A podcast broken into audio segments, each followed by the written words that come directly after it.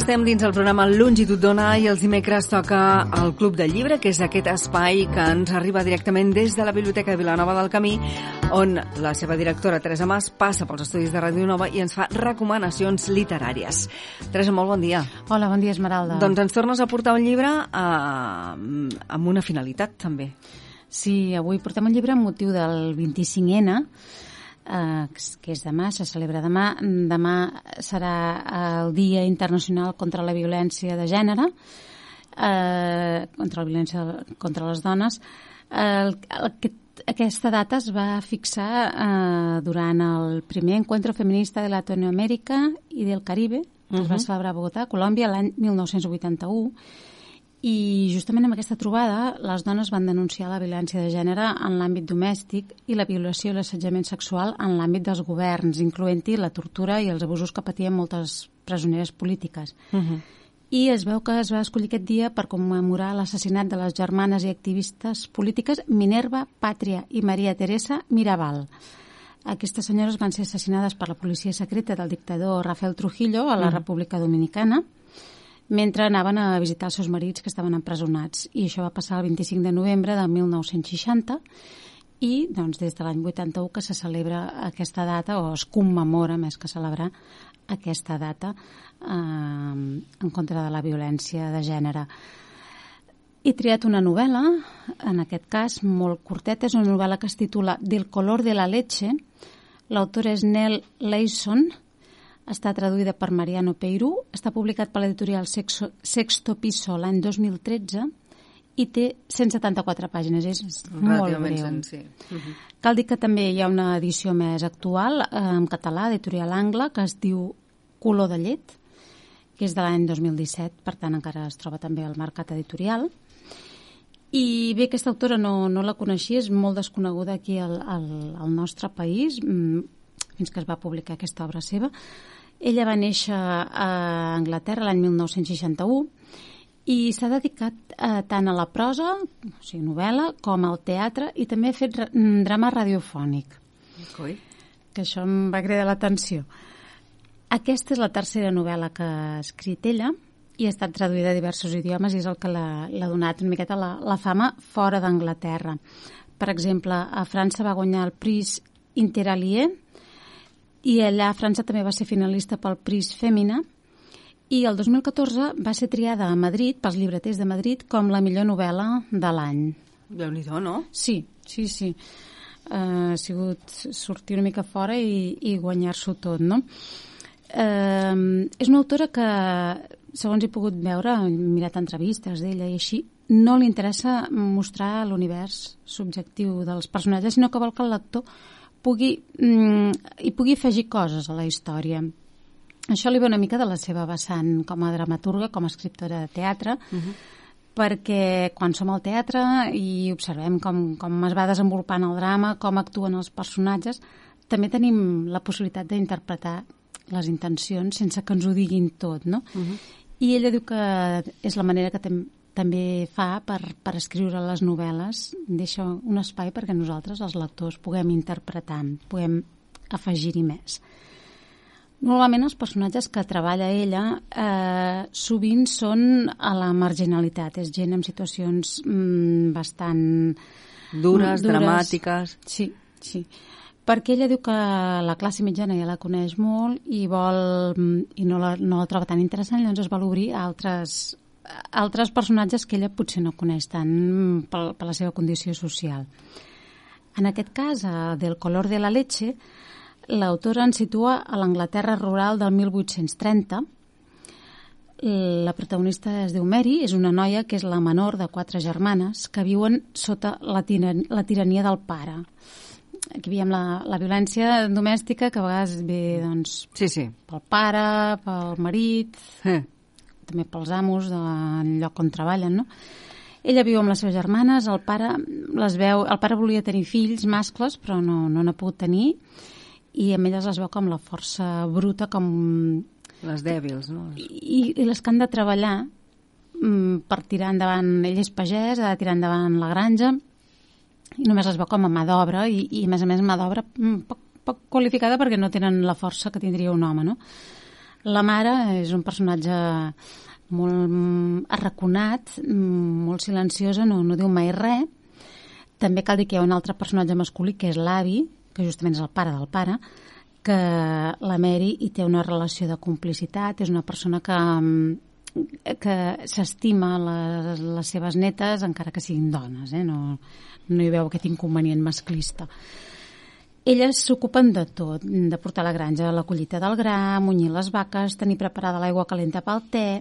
Per menjar sempre mengen rosegons de pa amb una mica de formatge i una mica de llet i eh, ens retrata molt bé la, la duresa de la vida al camp a, a, principi, a mitjans de, del segle XIX a l'Anglaterra rural.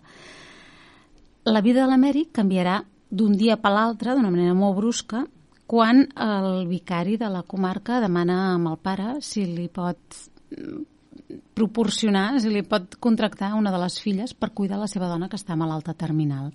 I el pare li dona la petita. Per què li dona la filla petita? Perquè la Mary mmm, va néixer amb un defecte amb una cama, té una cama mmm, defectuosa i, clar, és la que pot rendir, tot i que ella s'hi esforça moltíssim, és la que pot rendir menys a l'hora de fer les feines més dures i més pesades. Mm, és una noia que té 15 anys, és analfabeta completament, com tots els de la seva família. De fet, hi ha un personatge, una germana, que és molt religiosa i dorm sempre amb una bíblia, però curiós que no la sap llegir. Ja. Té com un objecte sagrat, no? Uh -huh. Eh, I llavors la Mary passa de ser analfabeta, pagesa, grangera, a descobrir un altre món on hi ha llibres i on hi ha cultura. Uh -huh. Però tot i amb això, tot i que sembla que és un pas molt, molt bo, molt positiu, tot això li acabarà portant conseqüències molt greus que anirem veient al llarg de la novel·la. Allà ella coneix un, un altre món, un món de cultura, de refinació, però que al fons veiem que amaga la mateixa degradació, la mateixa marginació yeah. per les dones, la mateixa sordidesa que tenia a l'estable de vaques, allà quan, yeah. quan parla de les merdes, de la, que em parla molt de les merdes de les vaques i de la brutícia i del fang. Mm, un, una cosa que es, crida l'atenció és el títol, el color de la leche, no? Com has dit? Sí. Ostres, crida l'atenció sí, aquest sí, títol, no? Sí, sí, sí, sí, sí, sí.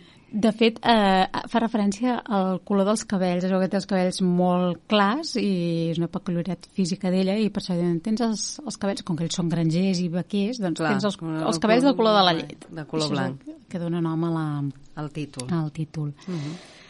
És una història que potser no ens sonarà molt original perquè d'històries ambientades al segle XIX en què la vida és molt dura, les classes socials, tot això, ens sona, uh -huh. però el fet més ressenyable d'aquest relat tan curt és l'afany de l'autora per reproduir el llenguatge o pensament d'una nena de 15 anys.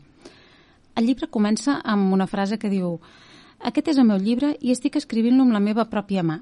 I cada capítol mm, repeteix això. Els capítols són cinc capítols, comença primavera, estiu, tardor, hivern, fins a la primavera següent, per tant és un any està dividit també, tenim molt en compte el pas del temps, això també és molt rural, no? Està, els, els pagesos i ramaders estan molt lligats a, al pas del temps. Sí. I ella va continuant escrivint fins al final i ens sobta perquè no fa servir mai cap majúscula. Eh, és un text tot i així que és de molt bon llegir. Són frases molt senzilles, molt curtes, seques. És un llenguatge que és gairebé parlat, això ho, ho sap fer molt bé aquesta autora i es val de la senzillesa del vocabulari i de la sintaxi per perfilar el personatge i acostar el lector a la, a la trama que es va desenvolupant perquè a poc, a poc a poc, a mesura que veiem que la protagonista va aprenent a llegir amb la Bíblia, evidentment, perquè viu a casa del vicari, la lletra va aprenent forma, van apareixent les comes, uh -huh. els signes de puntuació, les oracions subordinades, tot és una miqueta més complex, més elaborat, i en realitat anem, anem assistint a l'aprenentatge en primera persona d'una nena humil que té dues condicions, no? És, és dona i, i és humil i això eh, li marca molt. Però la Mary és una noia molt forta, és, té, té molt caràcter, eh, és bastant escèptica, a vegades mostra repel·lent, contestona, eh, ha de lluitar molt per subsistir, però no cau mai en l'autocompassió. No trobarem aquí allò, ai, pobreta de mi, que desgraciada ja. que soc. No. I el victimisme, no? No, no. no. no hi hagi de victimisme. Ell, ella fins i tot hi ha moments que té un sentit de l'humor mmm, sarcàstic i a més a més té una llengua molt esmolada. I a mesura que la història de la Mary es va desenvolupant, eh, es va insinuant que el temps s'acaba, que s'ha d'afanyar, que ha d'escriure el seu llibre, que, del qual n'està molt orgullosa, perquè ha pres a escriure i a llegir, i el motiu pel qual el temps s'acaba no ho sabrem fins a l'última pàgina. Caram. Ben bé l'última. Tot i que anem trobant pistes al llarg de tot aquest camí, anem veient que la relació amb el seu pare i amb el vicari, els homes de qui depèn ella, determinaran molt el seu futur. Eh, aquí, doncs, veiem retratada la vida d'una dona eh, molt dura. També veiem que hi ha altres personatges, altres col·lectius també molt marginats, com per exemple els vells, l'avi que va caure i està atolit, està invàlid en una habitació, el tenen allà raconat, que a vegades ni el renten, ni li donen menjar, ni res. Tothom que té algun defecte físic és menys vàlid perquè es prioritza la força física. Uh mhm. -huh. I la capacitat de treball és el que, el que es valora més eh, la vida al camp, mm, la prioritat no són les persones, sinó la feina que poden fer, eh, la feina dura. També veiem una mica el pas cap a la industrialització, quan el pare es planteja comprar alguna màquina perquè amb les filles no, no dona l'abast per portar el, el, la granja. La granja. Eh, és una societat molt rígida, les classes socials estan molt marcades i, i qui mana és el més fort normalment són homes i a vegades doncs, també de classes socials altes. I dic, tot això no són novetats, ja ho sabíem, però el que m'ha agradat molt és, és com ho tracta i com ho enfoca i la perspectiva d'aquesta noia de 15 anys. déu nhi també, eh? Una novel·la que sempre, de, de fet tot el que ens porta sempre pinta molt bé, no? Per, suposo també és, eh, val a dir, la manera en què ho expliques, no? Bé, fem una mica de tria també. Clar, eh? No, no, però mm, bé, entren ganes de, de llegir-ho, no? I més una novel·la amb tan, tantes poquetes pàgines, no? Amb molt poques pàgines i molt, molt, molt intensa. Molt intensa i molt que donaria, intensa. donaria per... Jo pensava per un club de lectura, per exemple. Per exemple. Per, per parlar-ne amb els amics, per fer... Sí. Uh -huh. Molt bé. Eh, recordem el títol del llibre, el Teresa. El títol és Del color de la leche. L'autora és Nell Lyson i està publicat a l'editorial Sexto Piso. També hi ha una edició en català a l'editorial Angla. Uh -huh. El motiu pel qual s'ha triat aquest llibre, Teresa, és perquè demà és el dia 25ena. Sí, dia contra la violència de gènere. Molt bé. Teresa, t'espero la setmana que ve. Fins la setmana que ve. Gràcies. Adéu.